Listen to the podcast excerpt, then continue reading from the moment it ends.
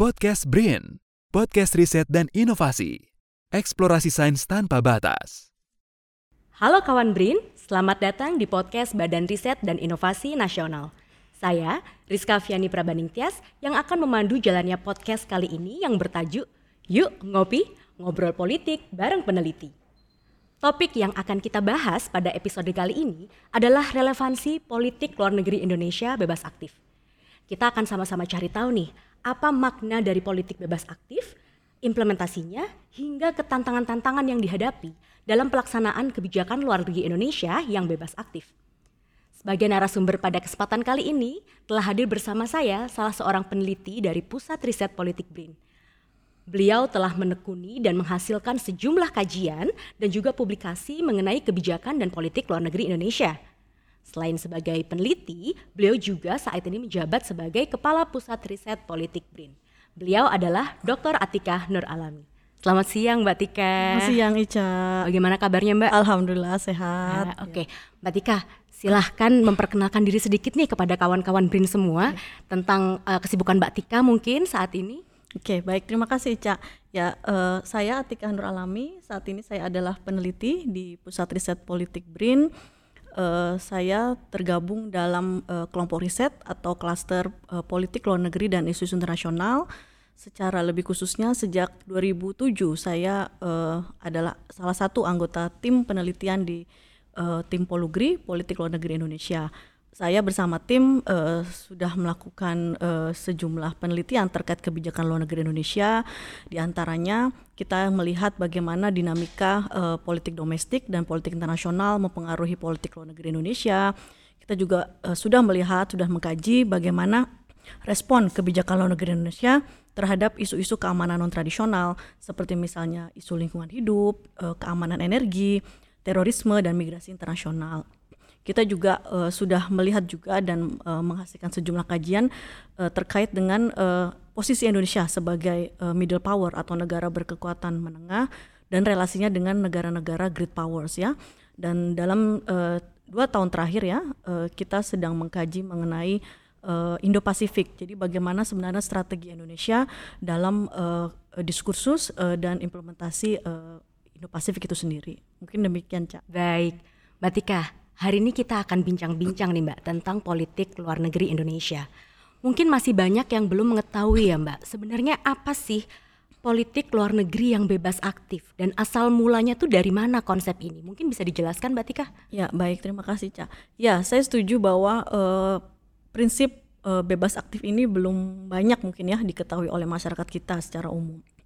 Kalau kita lihat secara definisi, uh, prinsip uh, bebas aktif ini terdiri dari dua kata ya, bebas dan aktif. Bebas itu artinya adalah kita tidak uh, uh, memihak pada salah satu uh, uh, golongan, salah satu kubu, dan kita memiliki jalan sendiri yang kita pilih. Sementara uh, aktif itu berarti bahwa kita aktif uh, berkontribusi untuk mewujudkan perdamaian dunia, baik dalam bentuk gagasan, dalam bentuk uh, inisiatif yang itu tujuannya adalah uh, menjaga stabilitas uh, regional maupun uh, internasional. Uh, kalau secara uh, regulasi kita juga harus mengakui bahwa prinsip bebas aktif ini termuat ya di dalam Undang-Undang Nomor 37 Tahun 99 tentang Hubungan Luar Negeri khususnya pasal 3 disebutkan bahwa kebijakan luar negeri Indonesia menganut prinsip bebas aktif yang diabdikan untuk kepentingan nasional. Dari situ kita bisa melihat bahwa uh, para founding fathers kita begitu sungguhnya sudah mencoba merumuskan prinsip bebas aktif ini uh, untuk uh, sebagai guidance ya sebagai landasan kita untuk melaksanakan atau membuat pilihan-pilihan kebijakan luar negeri. Kalau tadi Ica bertanya asal muasal konsepsinya seperti apa, mungkin uh, kita bisa uh, ingat kembali bagaimana uh, prinsip ini pertama kali dinyatakan oleh Muhammad Hatta uh, di depan sidang KNPI Komite Nasional Indonesia Pusat pada September 1948 dengan pidatonya yang berjudul Mendayung di antara dua karang. Itu sangat uh, fenomenal uh, pidatonya dan dalam pidato itu beliau menyatakan bahwa uh, kebijakan luar negeri Indonesia tidak hanya dilandaskan oleh Pancasila yang sudah memang menjadi uh, pegangan kita tapi juga adalah uh, kepentingan nasional yang dilandasi oleh uh, prinsip yang independen uh, dan aktif dan juga sesuai dengan uh, kepentingan yang uh, pragmatis. Itu saya pikir kemudian menunjukkan bahwa pada saat itu memang uh, situasi dunia internasional itu sedang berada dalam perseteruan ya antara dua kubu uh, di era perang dingin kubu antara uh, blok barat yang dipimpin oleh Amerika Serikat dan blok timur oleh Uni Soviet. Nah, pada saat itu kita sebagai negara yang baru saja merdeka ya, kita merdeka tahun 45 dan itu tahun 48, kita berada dalam posisi uh, kita tidak ingin nih uh, terombang-ambing begitu ya. Kita tidak ingin uh, memihak ke dalam salah satu uh, dua kubu tadi dan kita harus punya sikap sendiri. Kita harus punya independensi yang kita tunjukkan. Namun di sisi lain kita juga uh, perlu tetap me, me, apa ya menjalin kerjasama dengan uh, pihak-pihak lain. Intinya kita tidak mau didikte pada saat itu sebagai negara merdeka yang um, berusaha mencari dukungan dan uh, apa kedaulatan dari uh, dunia internasional, tapi kita juga tetap berupaya secara aktif uh, menjalin kerjasama, menjalin hubungan dengan banyak negara. Karena itu memang kita butuhkan sebagai sebuah negara baru ya, mungkin demikian. Baik. Lalu kalau menurut Mbak Tika sendiri ya, bagaimana pelaksanaan prinsip bebas aktif selama ini yang sudah ada di, dilakukan oleh uh, policy maker maupun uh, pelaksana kebijakan gitu ya. Apakah kebijakan luar negeri Indonesia sudah benar-benar berlandaskan gitu Mbak pada dengan prinsip ini? Ya, ya pertanyaan yang uh, sulit tapi tricky ya. Uh, artinya uh, memang perlu diakui bahwa uh, pelaksanaan atau implementasi prinsip bebas aktif ini sangat dinamis ya, sangat dinamis dan uh, kontekstual. Artinya perlu kita pahami bahwa pemerintah Indonesia sendiri sebenarnya tidak mudah untuk memaintain uh, prinsip bebas aktif ini dalam setiap uh, kebijakan luar negeri kita. Namun saya bisa coba uh, contohkan dalam beberapa tataran yang berbeda. Mm-hmm. Yang pertama misalnya dalam uh, tataran uh, bilateral.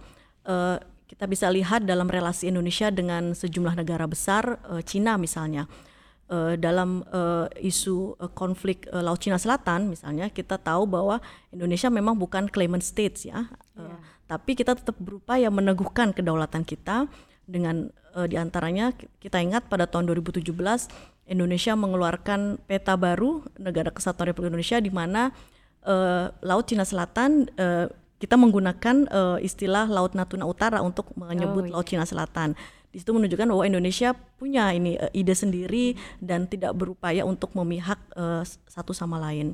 Itu di tataran uh, bilateral ya. Yang kedua di tataran regional uh, yang saya pikir yang relevan ini adalah dalam konteks ASEAN bagaimana sebenarnya Indonesia tetap bisa mempertahankan prinsip bebas aktif uh, dalam upaya diplomasinya di tingkat ASEAN. Nah, kita tahu bahwa diskursus atau wacana mengenai Indo-Pasifik ini sudah uh, beberapa tahun terakhir sudah sedemikian kencang, sudah banyak ide yang digulirkan oleh banyak negara, uh, India, uh, uh, Jerman, Jepang, begitu kan. Nah, di tengah berbagai kontestasi ide ini, uh, Indonesia kemudian uh, berupaya me me memunculkan sebuah ide dan mempromosikan ide ini melalui ASEAN. Kita tahu bahwa ada uh, eh, AOIP ya, ASEAN ASEAN Outlook on Indo-Pacific di mana melalui forum melalui inisiatif itu Indonesia berupaya uh, mengedepankan inklusivitas dalam uh, melaksanakan uh, kebijakan uh, luar negeri di tingkat uh, nasional maupun di tingkat regional itu dalam uh, konteks uh, regional. Lalu yang terakhir dalam level multilateral, kita tahu bahwa Indonesia juga aktif ya di berbagai forum uh, internasional, di antaranya di Perserikatan Bahasa Bangsa di PBB. Uh, mungkin kita bisa lihat dalam sejumlah sikap Indonesia ketika voting gitu ya. Di, yang terakhir mungkin uh, pada April 2022 ketika ada voting, uh, ketika Majelis uh, Umum menyelenggarakan voting untuk pembekuan keanggotaan Rusia di Dewan HAM PBB uh, eh, di Dewan HAM PBB ya Indonesia memilih bersikap abstain saat itu. Hmm. Nah, mungkin memang dalam konteks ini banyak uh, pihak mengkritisi loh kenapa abstain? Kita sudah jelas bahwa kita tidak mendukung uh, penjajahan di atas dunia begitu. Artinya kita men, uh, mendukung pemenuhan HAM, tapi kenapa kita uh, memilih bersikap itu? Tapi kemudian bisa kita lihat bahwa Indonesia sebenarnya pragmatis dalam membuat keputusan. Uh, Indonesia berupaya untuk me, apa ya menjaga hubungannya yang baik dengan Rusia maupun dengan Ukraina. Selain itu perlu kita pahami bahwa Indonesia punya uh, event besar ya uh, G20 khususnya nanti di November 2022 uh, dua-dua ini di mana Indonesia perlu memastikan bahwa semua anggota G20 termasuk Rusia itu hadir dalam uh, perhelatan itu sehingga dalam konteks itu Indonesia memilih untuk bersikap uh, mungkin uh, abstain ya yang to some extent uh, lebih aman bagi kepentingan Indonesia. Oke nih, dari penjelasan Mbak Atika ya, saya bisa membayangkan sih, dan semoga kawan pun juga bisa membayangkan ya, bagaimana menjaga pelaksanaan prinsip bebas aktif dalam uh, politik luar negeri kita itu memang tidak mudah ya. Hmm. Tetapi dari masa ke masa, dari berbagai level diplomasi dan juga dari berbagai inisiatif, para pembuat dan pelaksana kebijakan itu mencoba untuk terus berupaya kembali hmm. berpedoman pada prinsip bebas aktif ini. Hmm.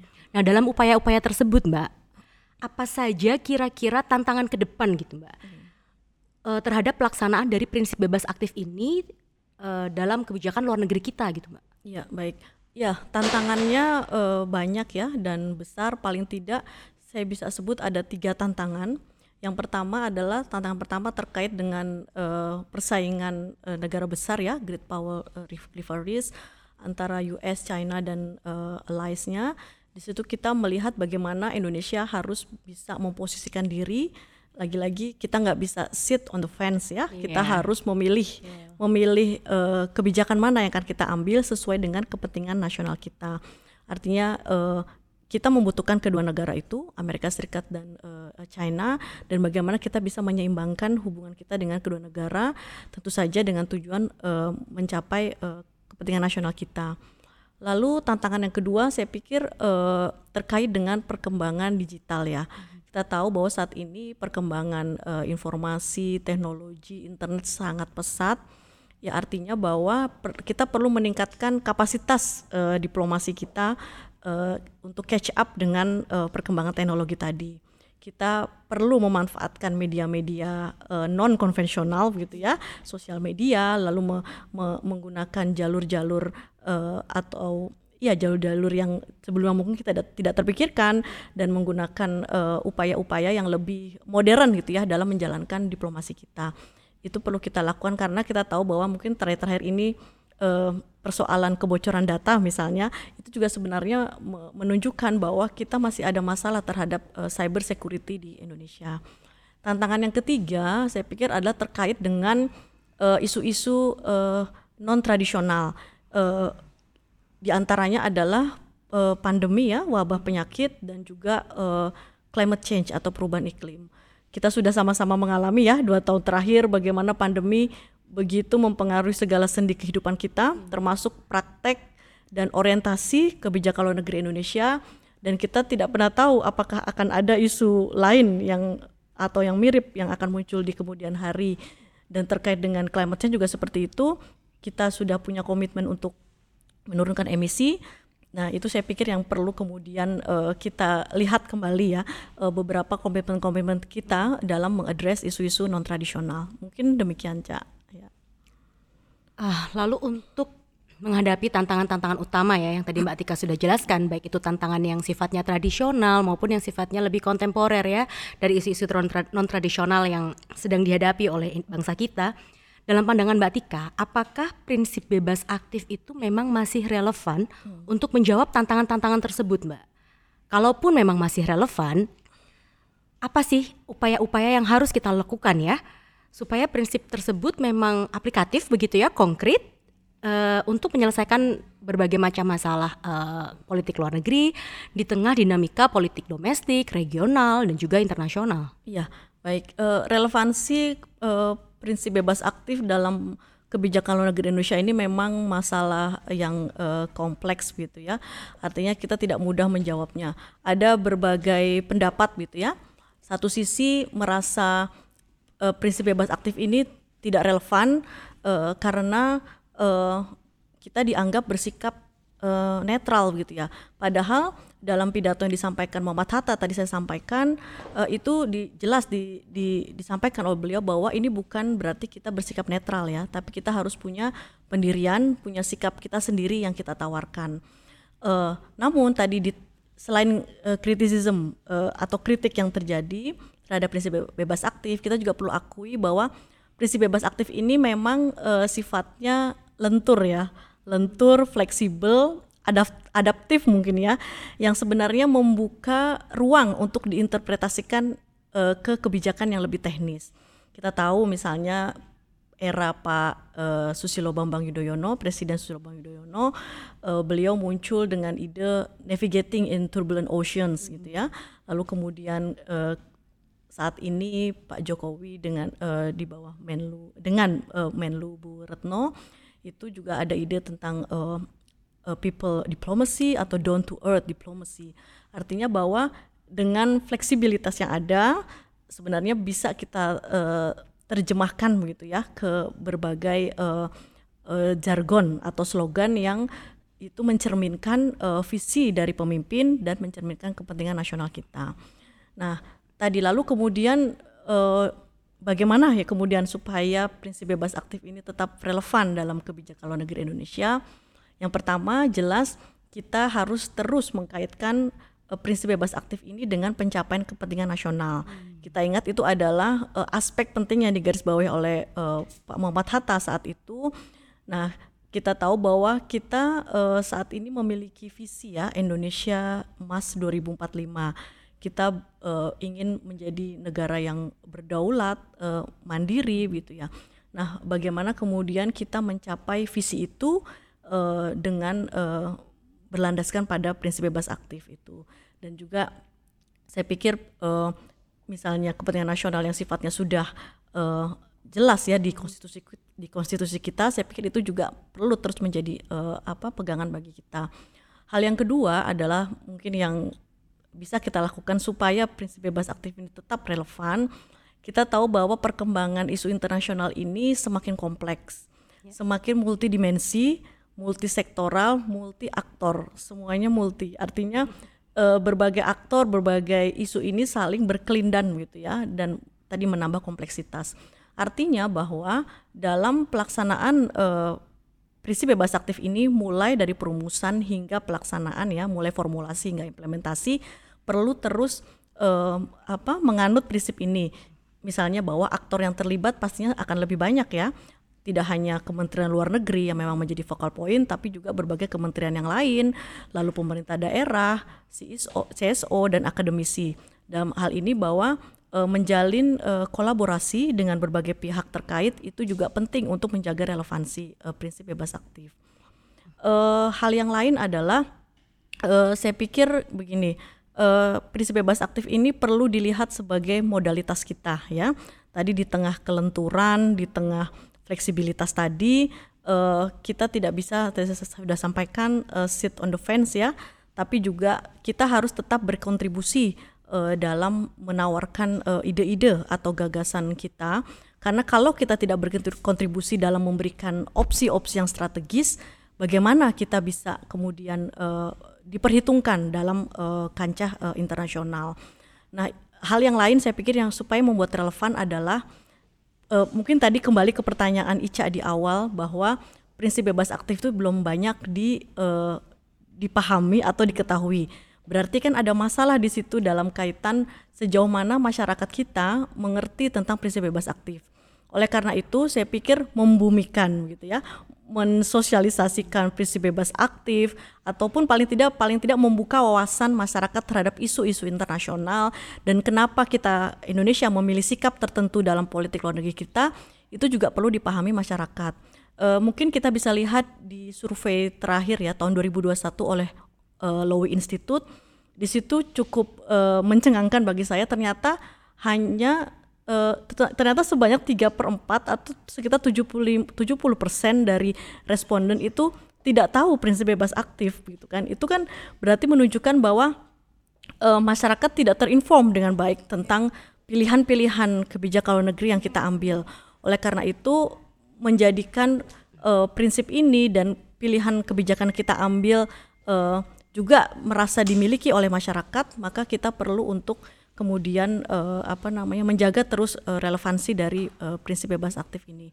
Uh, intinya uh, mungkin demikian ya. Jadi untuk menjadikan uh, relevan uh, kita uh, artinya perlu terus uh, me, artinya me, mener, menerapkan atau kemudian punya ide-ide segar uh, dalam upaya me, mewujudkan prinsip bebas aktif ini secara konkret dan operasional di tingkat uh, uh, masyarakat kita. Mungkin demikian. Iya.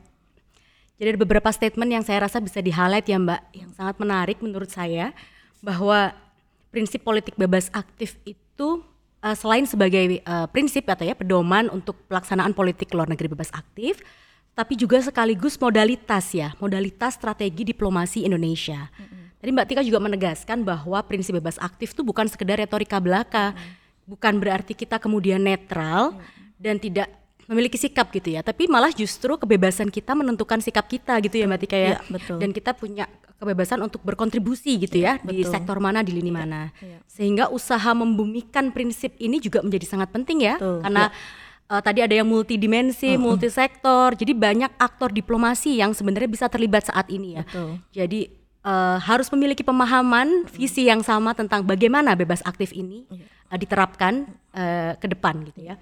Mbak Tika, terima kasih sekali nih Mbak. Sama-sama, Diskusinya sangat-sangat menarik dan semoga juga menambahkan uh, wawasan ya dari rekan-rekan uh, kawan BRIN ini tentang politik luar negeri Indonesia. Baik. Kawan BRIN, demikian diskusi kita pada episode Yuk Ngopi, Yuk Ngobrol Politik bareng peneliti kali ini. Terima kasih ya sudah menyimak podcast BRIN kali ini dan sampai bertemu pada episode selanjutnya. Salam eksplorasi sains tanpa batas. Podcast BRIN, podcast riset dan inovasi. Eksplorasi sains tanpa batas.